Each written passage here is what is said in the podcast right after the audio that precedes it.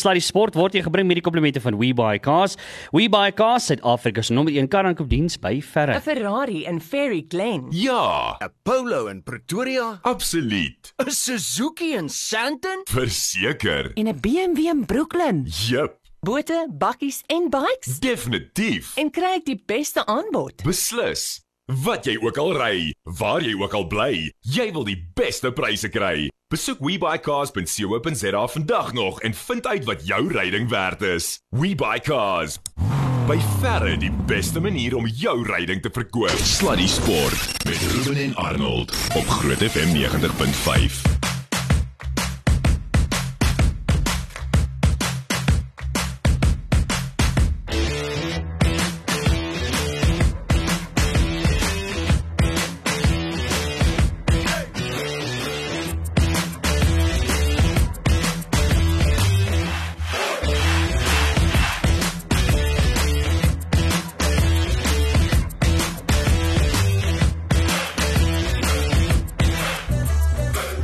Right, dit is Sluddy Sport 9 minute na 6. Ek het net gesê ek terwyl ons so uh, besig is, ek wil net vir Brad hier aan probeer. Mm. Hy's oor die waters Brad Binders. Hy's ongelukkig. Lyk dit nie of ons hom nou in die hande gaan kry nie. Ons het uh, beplan om die onderhoud te doen, maar dit lyk my die telefoontjie gee so 'n bietjie moeilikheid. Miskien is hy het, is hy ook op beerdkrag. Ja, nee, maar hy het nou vir my WhatsApp gestuur. Ek gaan nou gou vinnig luister wat hy Ah, gesê het. Ja, dan sal ons gehoor het sê. hy. Maar Annie, net so vinnig, kom ons gaan gou krieket toe mm. en dan kan ons gou 'n brief van hoor wat sê hy verder. Wel onthou Suid-Afrika speel in die eerste toets in die Wes-Indiese eilande. Hulle speel daar op uh, Goslet I, uh, Gross Islet en uh, die Wes-Indiërs eerste gekolf en op hierdie stadium lyk dit asof Suid-Afrika met hulle maai. 48 vir 4 en uh, dit is uh, met die middagete pouse wat nou net aangebreek het. Uh, Craig Braithwaite is uit vir 15 gebal deur Norke, Shy Hope selfde gebal deur Norke ook 15. Nkrumah Bonner is uit vir 10, Boston Chase is nie uit nie, hy's daar op 7, Kyle Myers uit vir 1 en uh, Jermaine Blackwood het nog nie sy rekening oopgemaak nie. So op hierdie stadium 48 vir 4 en dit lyk werklik waar goed. Die Suid-Afrikaanse bowlers het tot dusver ongelooflike goeie werk gedoen. Kagiso Rabada 10 beurte, 2 lees, eh, 24 lopies afgestaan vir eh, sy een paadjie. Lungi en Gidi 7, hy het nog net 10 lopies afgestaan, ook 2 lees. Andri Gnorke 6 beurte, 3 lee beurte en net 8 lopies vir sy 3 paadjies afgestaan en Keshav Maharaj wat ook baie baie verdienstelik gebou het. Hy het 4 beurte afgestuur tot dusver en nog net 6 lopies afgestaan. So dit lyk regtig fantasties. Kom uh, in elk geval dat ons ook sommer kyk terwyl ons praat daarvan Engeland speel op die oomblik in hulle uh, tweede toets eerste dag en hulle is daar oor die water in die Moddereiland en Engeland kolf op die oomblik 211 vir 6 en ek moet sê dit gaan swaar vir die tuisspan. Die Nieu-Seelandse bowlers is besig om behoorlik amok te maak daar. Absoluut. So 211 vir 6 op daardie stadium in Birmingham. Alright, nou jy dis 11 minute na 6 regsties op Sluddy Sport uh, my ouma face er aan guys en ek het vir Brad Binde wat sopas by ons aangesluit het. Brad, uh, firstly man, how you doing? Are you fine? I'm very well, thanks. And yourself? Yeah, man, doing great. And with me, I've got Arnold Geertz at the back there. Nice to have you on the show. Thanks for your time, Brad. It's a real honor. How awesome. Thanks so much for having me on the show. Listen, Brad, firstly, I want to start off. I heard that you're all the way from Potchefstroom's, wa- wa- daar van Port se wêreld. Uh, you know the Oaks can dice there. I'm from Clarkstop, and that's probably where you learned how to race that fast, eh? Yeah, look, I mean, um, actually, I was born in I was born in Potch, and uh, after that, I lived in in Carltonville till I was about twelve. Even better, I struggled with those Oaks. I could never beat the Carterville guys, eh? yeah, I lived there for a while before I moved to Krugersdorp, but um, yeah, no, for sure, I've noticed the guys love a bit of racing outside of the world. yeah, crazy. Brad, I, I I look at your career and I, I know it doesn't happen overnight. Nothing happens overnight. But it seemed like you popped out from almost nowhere and now there's this fairy tale that you're living. Do you sometimes stand back and look at it and go, I still can't believe this is my life right now? Um, you know, it's it's actually crazy. Uh, look, I mean, my dad and I, we actually left South Africa for the first time to start racing overseas when I was 12 years old. So, um, you know, I'm 25 now, so uh, it's been a long time that I've been overseas racing already. And uh, so far, so good. I mean, it's it's really I, I feel feel super honored to to have the life that I do, and uh, yeah, I mean, racing's my my dream and what I've always wanted to do, and at the moment I'm living it, so it's really really great, enjoying it so far. What, was this always the plan, or was did you go, make it up as you went along? I mean, if you started at the age of twelve, there was obviously some sort of a master plan.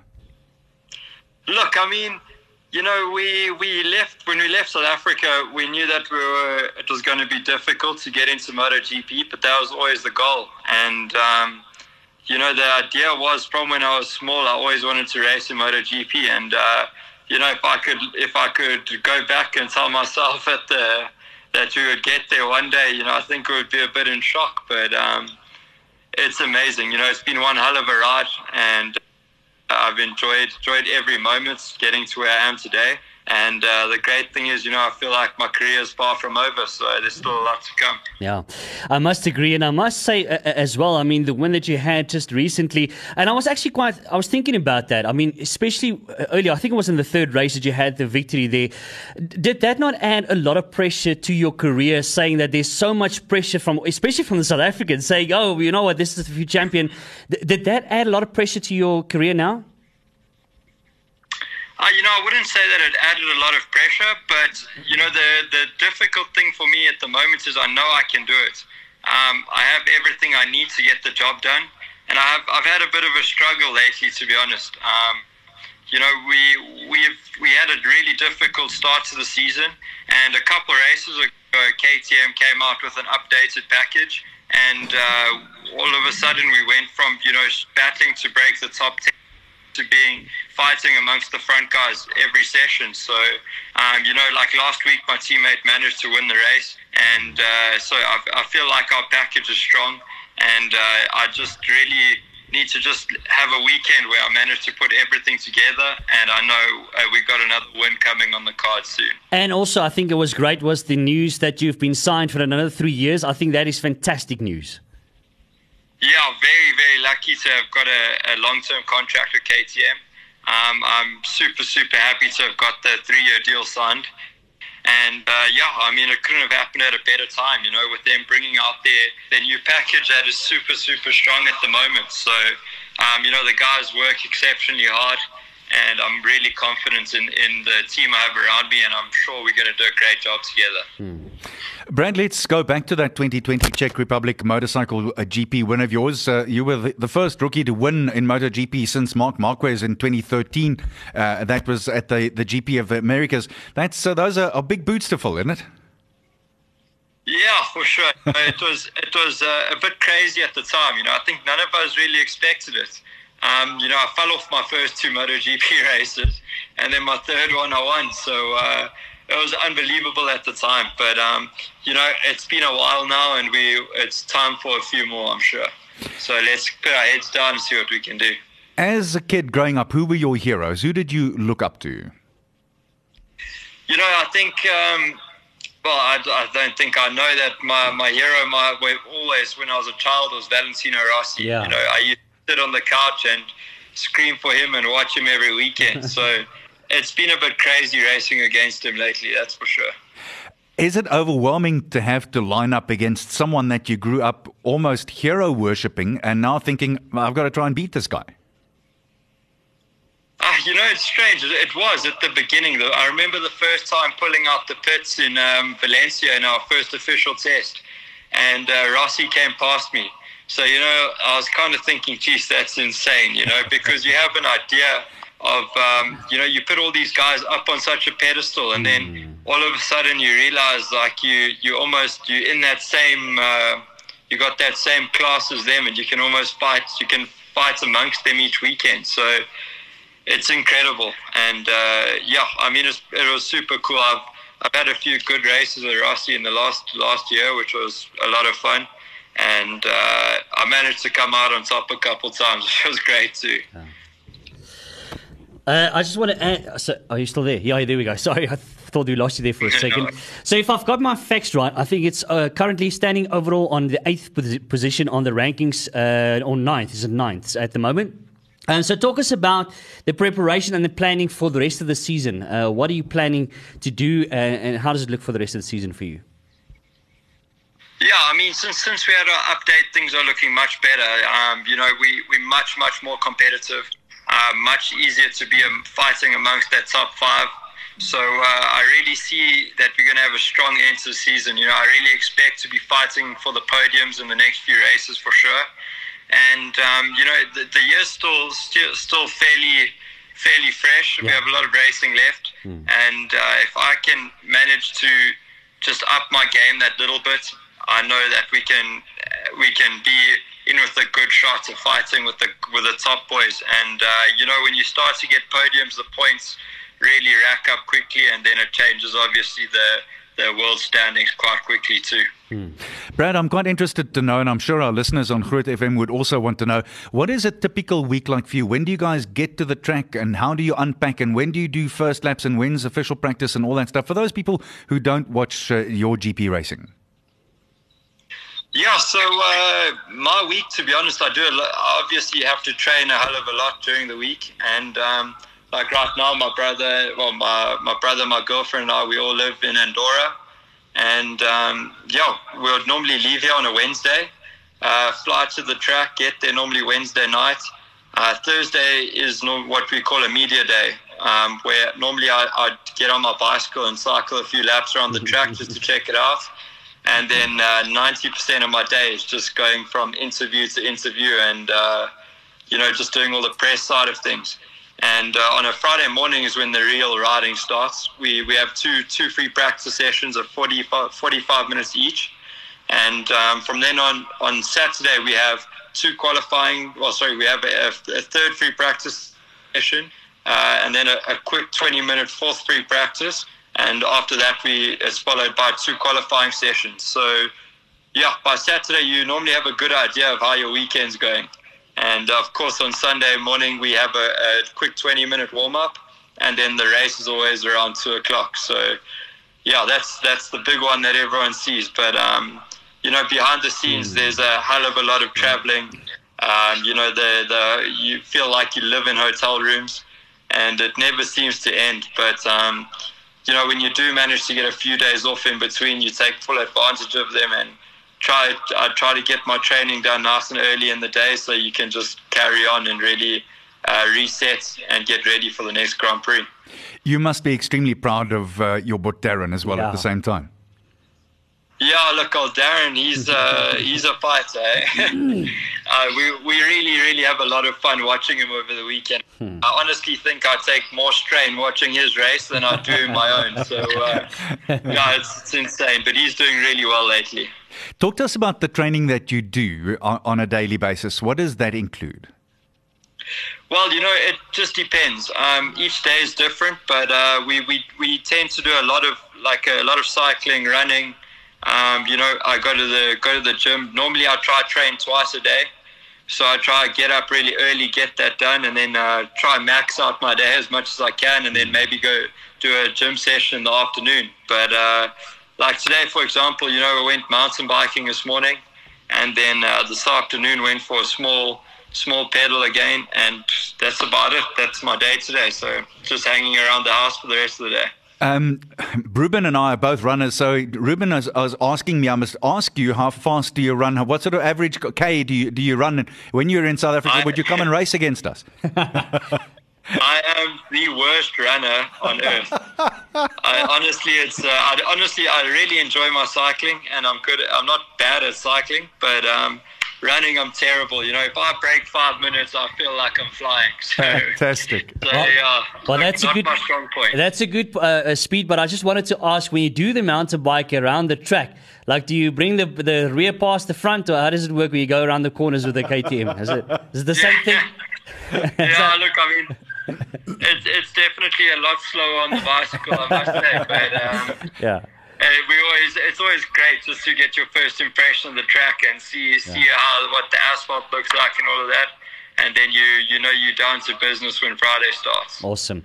Listen, Brad, I think I'm speaking for every single South African. We are so proud of what you are doing currently, and we're so excited and stoked to see what the rest of the season is going to live up for. Um, all the best there with all the preparation. We are sitting and waiting, and we are cheering from you on this side. So, all the best for the rest of the season. We're really vouching for you. Awesome. Thank you so much for having me on the show today, guys. Uh, It's been Todd. awesome. Really appreciate it. Our great pleasure, and really, it's so nice to see that guys from South Africa are so media open and so friendly. This was so easy to organize from Yeah. from your point of view and from our point of view. So we salute you. Keep up the good work, and uh, we love hearing your name and Darren's name up there. Keep it flying. Awesome. Thank you so much, guys. Have a great day, and I look forward to chatting to you soon. Thanks Likewise, man. Cheers. Brad Binder daar regstreeks van oorkant die see. Wat 'n absolute groot plesier om met iemand wat al reeds 'n motorfietslegende in Suid-Afrikaanse motorsport is. Want ek meen jy gaan jy gaan nie net sommer in gaan wen een of twee van hulle nie. Dis 'n moeilike ding om te doen en die ou is al reeds 'n legende. Ek wens dit meer tyd gehad want ongelukkig is ons nou maar, jy weet, bietjie bietjie gebind wat tyd aanbetref, maar Ja. kan ek dit gefietseer en nou presies gesê. Hmm. I mean, dis nou 'n ou wat wat nou 'n reuse sukses behaal het. Hy's 'n wêreldster. Jy weet, hy's is 'n wêreldbekende ster. Ja. I mean, hy het nou al MotoGP een keer in die sak ook gehad. Ja. Dit was letterlik 'n vinnige e-pos. Sê hi, kan ons met Brad chat? Yeah, sure. Here's his number. Please keep it safe. He'll be ready for you guys at 6. Fantastic. Dis Dis is- dis dis mos nou hoe dit behoort te Dis wees. professioneel. Mm. So Naomi Osaka. Uh right, luister die Bokval Blerk. Wat vir jou net hier. Sluddy Sport met trots geborg deur webycars.co.za. Ek kan nie glo toe ek dan nou Rian Bonari se vat 'n bietjie speel. Mm. Dat jy vir my sê nog nie liedjie gehoor nie. Nee. Ag gaan my. Nee, ek is nie daai tipe van ou. Hoekom was dit tipe ou wat? Nee man. Ek is daai tipe. vat 'n bietjie. Ja, Vat 'n bietjie. Jy is ag whatever. Vir my kom sê jy My is, uh, nee, nee nee ek- het nie ek het gedink dit was iets anders. My vrou het gesê "Bo- moenie so aan my vat nie. ek het gedink dis waaroor dit gegaan het. Kies, ek het nie besef dis die ander vat so bietjie. dis nou sagkuns. Sagkens. Ja. Sagkuns. Hoorie uh 633 Kuns. Kom ons praat 'n bietjie golf. Wel die skandinawiese gemengde ope Hmm. uh word aangebied deur uh, Hendrik uh, niemand anders nie as Stenson en Annika Sorenstam. En die eerste ronde by die Walda Golf en Buiteklub by Ruben. Kyk nou daai naam wat jy voor jou het op die komper. Dis Gothenburg in Swede. Gothenburg, ja, Kyk. ja. Weet jy hoe sê jy dit in Sweeds? Baie nee. Göteborg. Wat? Göteborg. Ja, glo dit of nie. Eet jy Borrie? Ja, nee, dit ook ja. Christine Wolf is op 800 syfer tesame met die Engelsman Sam Horsfield. Hulle loop voor en dan is dit Steven Brown, Carlos Samoya en Pep Angels van Spanje as ook Ashley Chesters op 700 syfer en Darren Figart het hom ook nou net by hulle aangesluit. Hy is een van die min ouens daarbo wat nog nie sy rond klaar gespeel het nie. So baie goed om te sien. Hy het nog twee puitjies oor. Hy's op die 16de. So met ander woorde, hy kan nog beslis 'n voeltjie of selfs twee inryg op hierdie stadium en Justin Harding is 2 onder syfer. So dit lyk regtig goed vir die Suid-Afrikaners daar oorkant in Göteborg. Jette Borrie. Mm. Ja, ek hou nie van. Dit is my bietjie boring. Ja nee, ek hoor jou. En dit dit los jou jou vel word so geel. ja, presies.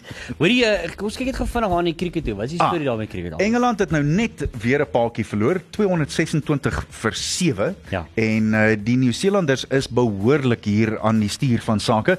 Hulle is nou in die 77ste balbeurt en uh, die voormalige Suid-Afrikaner Wagner is besig om te bal. Hy's besig om regtig goed te bal. Hy het hulle met 'n hele paar kartetse alweer behoorlik laat rond staan en rond staan en uh, hulle het die nuwe bal binne die volgende 2 beurte. So ek dink die Engelse gaan nog meer sukkel daarbey ja. saam.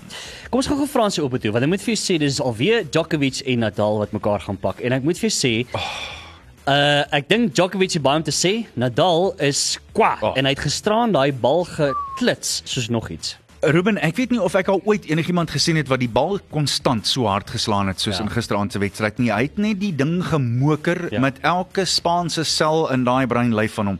Hy het net nie opgehou nie. Ja. So hulle speel môre in die 58ste keer uh, wat hulle teen mekaar gaan speel en dit is Djokovic se 40ste Grand Slam semifinaal.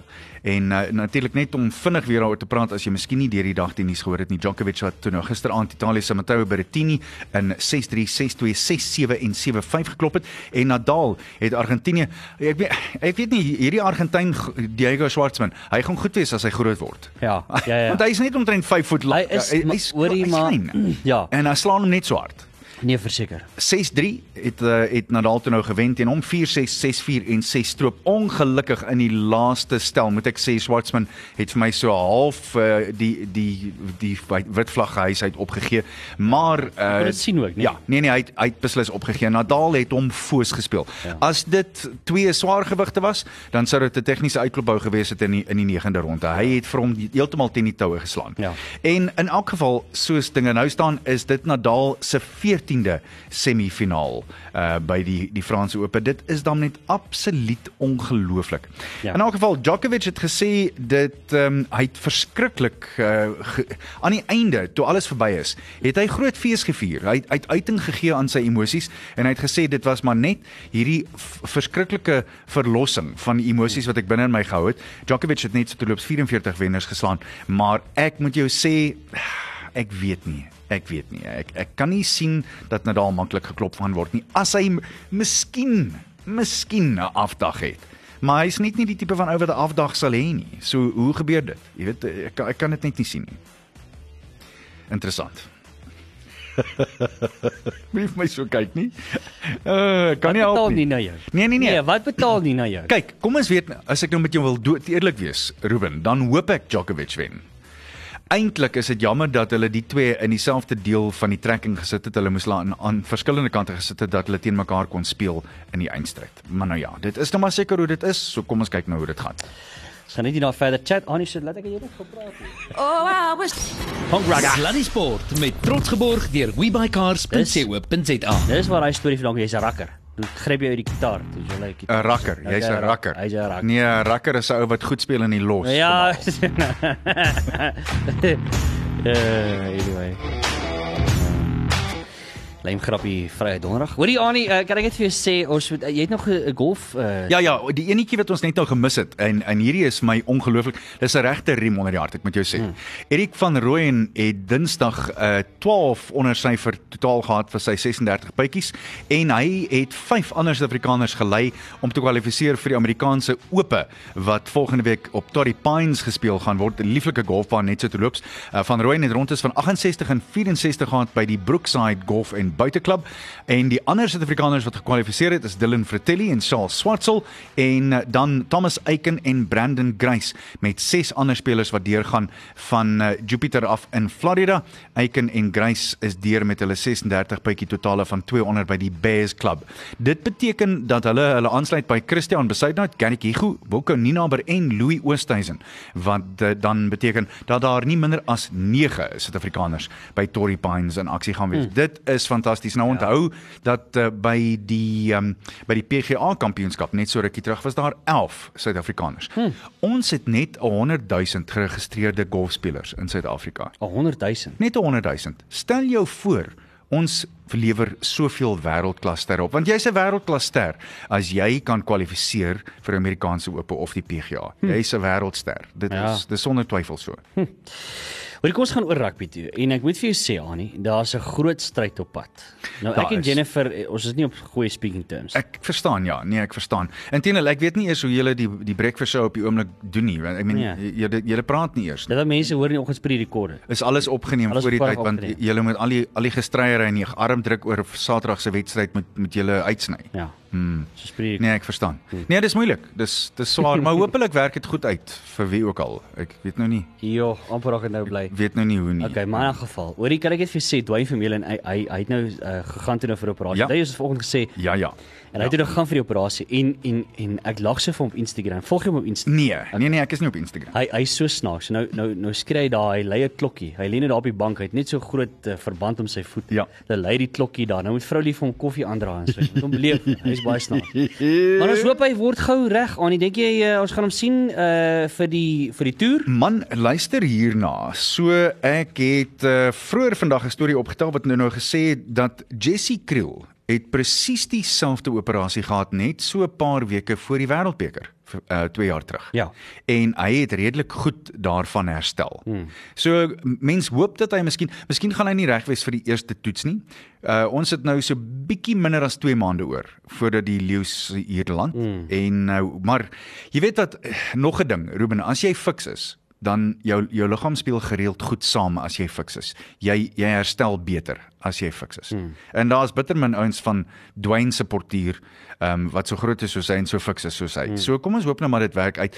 Terselfdertyd moet mense ook sê dis 'n wonderlike geleentheid vir 'n ou soos Marcel Coetzee wat mense gedink het hulle sou alreeds aangekondig het met ek sien by gister se nuuskonferensie het Jacques Minaber gesê Springbok afrigter, hulle gaan hom nie vir nou oproep nie. Hy moet by die bulle bly en aanhou speel. Hmm. En hier's die interessante ding kom ons argumenteer net nou maar ek sê net nou maar net maar nou nie opgewonde raak nie. Kom ons ons argumenteer nou maar net vir hierdie programmetjie vanaand dat die bulle deurgaan en hulle speel teen Benetton Treviso. Dan sou mens aanneem dat nie een van die ander bokke wat gekies is vir die span sal speel nie, behalwe Marcel Coetzee wat 'n baie goeie ding sal wees want ja. heel duidelik het hy hy het heel duidelik nog wedstryd fiksheid nodig nie dat dit gelyk het of hy nie wedstryd fiks is verlede week nie ek dink hy het 'n uitstekende wedstryd gehad maar dit sal goed wees as hy miskien net nog so een of twee wedstryde onder die beld het hmm. voordat hy dan nou so uithardloop teen die Lions as dit so sou hmm. gebeur Ja, en ons gaan nou kyk wat gebeur en uh hoe lyk die skeieregters aan? Die skeieregters net so te loop. So, kom ons gaan net gou-gou weer terug na die die uitspeel wedstryd of die eindstryd dan van uh die Pro 14 Rainbow Cup en uh wie dit ook al gaan wees, die Sharks of die Bulle gaan dan uithardloop teen Benetton Treviso en dit sal op die 19de Junie wees op die Stadio de Monigo. En dit is uh, Benetton se tuisstadion. Nou net weer, ons het vanoggend daaroor gepraat, maar dis die moeite werd om dit net gou gou-gou weer te noem op die Pro 14 webtuiste het hulle gesê as a result of Pro 14 rugby and uh, we will use the protocol decided prior to the 21 season whereby a game that could not be rescheduled would result in that fixture deemed a nil-nil draw. But four match points would be awarded to the team who had not been the cause of the postponement. En heel duidelik wat gebeur het is daar was probleme gewees met die span wat Benetton toe nou sou teen speel. Hmm. dit was die Walliese span die Ospreys wat 'n COVID-19 probleem ontwikkel het en dis nou hoekom dit so is. Maar wat die bulle aanbetref, uh, daar's 4 uh, uh, punte bo die ding vir hulle te doen. Sharks weet hulle moet 5 punte uh, kry en dis dit. Bonuspunt 3 en hulle moet die hmm. bulle weghou van 7 punte af. So dan die skeieregters wat gekies is vir en ek ek weet nie of ek opgewonde moet wees hieroor of al dan nie. Ek het regtig nie idee nie. Die skeieregters vir die Leo toetse is Nick Berry van Australia, hmm. Ben. O'Keefe New Zealand, en Mathieu Reynal van Français. Le Français. Oui. So mens wonder ehm um, hoe dit gaan uitwerk. Ek is nie mal oor oor uh, die die Franse nie, maar kom ons kyk ons gaan nou maar sien. Ek dink nie daar's veel wat jy daaraan kan doen nie. Weereens net uh, wat ons vanoggend genoem het en dis lekker om daaroor te gesels. Die strategie met die skeieregters was dat Sia Kolisi sou die stille diplomatisiese rol speel in ja. die massiewe Dwayne Vermeulen het met die skeieregters kom praat en in 'n uitgerede kawel. En as jy terugdink en terugonthou toe toe ehm um, toe Jake net toe Jake hier in die ateljee was. Onthou jy het hy gesê hulle het vir Dwayne gekies juis as gevolg van die feit dat hy intimiderend is wanneer hy met die skeieregters praat. Hmm. Interessant. Ja, absoluut. Hoor die Anie en dan sien jy nou Bongie uh, gaan oor na die Sharks toe. Kan jy dit oor vertel nou? Ek ek, ek lees so hier tussen die lyne. Ek mag verkeerd wees, maar dit het vir my al voorgekom of die die Stormers in, in WP afrigter John Dobson so effens rou was oor die een. Hmm. Hy sê hier, hulle het alles gedoen wat hulle kon om uh, Bongie en Bonambi en dan vir die jong vleuel Edward van der Merwe te hou. En hierdie is nie van der Merwe grappie nie, maar die Sharks het nou Dinsdag bevestig dat uh, Bonambi kom en hy sal op 1 November by die Sharks aansluit by by sy kaptein natuurlik Sia Kolisi van die Stormers af. Maar Dobson het gesê, luister hierna en ek haal hom hier aan. We were caught a bit by surprise by the Sharks announcement on Bongi today sure. because normally we sort this sort of work together with them on that. We've been dealing with Bongi over the last five or six months, but there are other considerations in play which I don't want to go into. Hmm, ja, nou wonder mens. Net so te loop se terug op die leeu toer net vinnig. Mense moet net gou genoem dat die televisie skeieregters en die ander manne wat die lyne gaan hardloop is Jaco Pieper en AJ Jacobs, Marius van der Westhuizen en dan die twee televisie beamptes is Marius Jonker en Stuart Berry. En uh ja, uh Mike Adamson van Skotland gaan die man in die middel wees as uh, ons teen Georgia speel op die 2de Julie en Ierland se Frank Murphy is by die volgende toets op die 9de Julie. Hmm. Nou ja, sterkte Annie, voor ek jou uh, ons nou vinnig het uh, oogie daar in die kerkie te gaan voor ons groet, mm, mm. maar uh, roep hom vir my. Kom. Uh ja, Ruben, ek ek moet sê ek kan nie my voorstel dat na hulle verlede week so sleg gespeel het dat die Bulle weer 'n slegte wedstryd aan mekaar gaan sit nie. Ek dink hulle gaan die Sharks timmer. En nie dat ek dink die die Sharks is nie is nie 'n wonderlike span nie. Hulle is 'n goeie span op die oomblik en daar het een of twee drie daar uitgekom wat absoluut asemrowend was, maar Pimpie was fantasties. Hulle gaan hom moet tyd. Ja, uh, hy is een van die groot gevare, maar ek seker Jake sal 'n plannetjie of twee vir hom uitwerk. Maar ek, dit gaan nie dit, hulle gaan nie die bulle gaan hulle nie seermaak nie.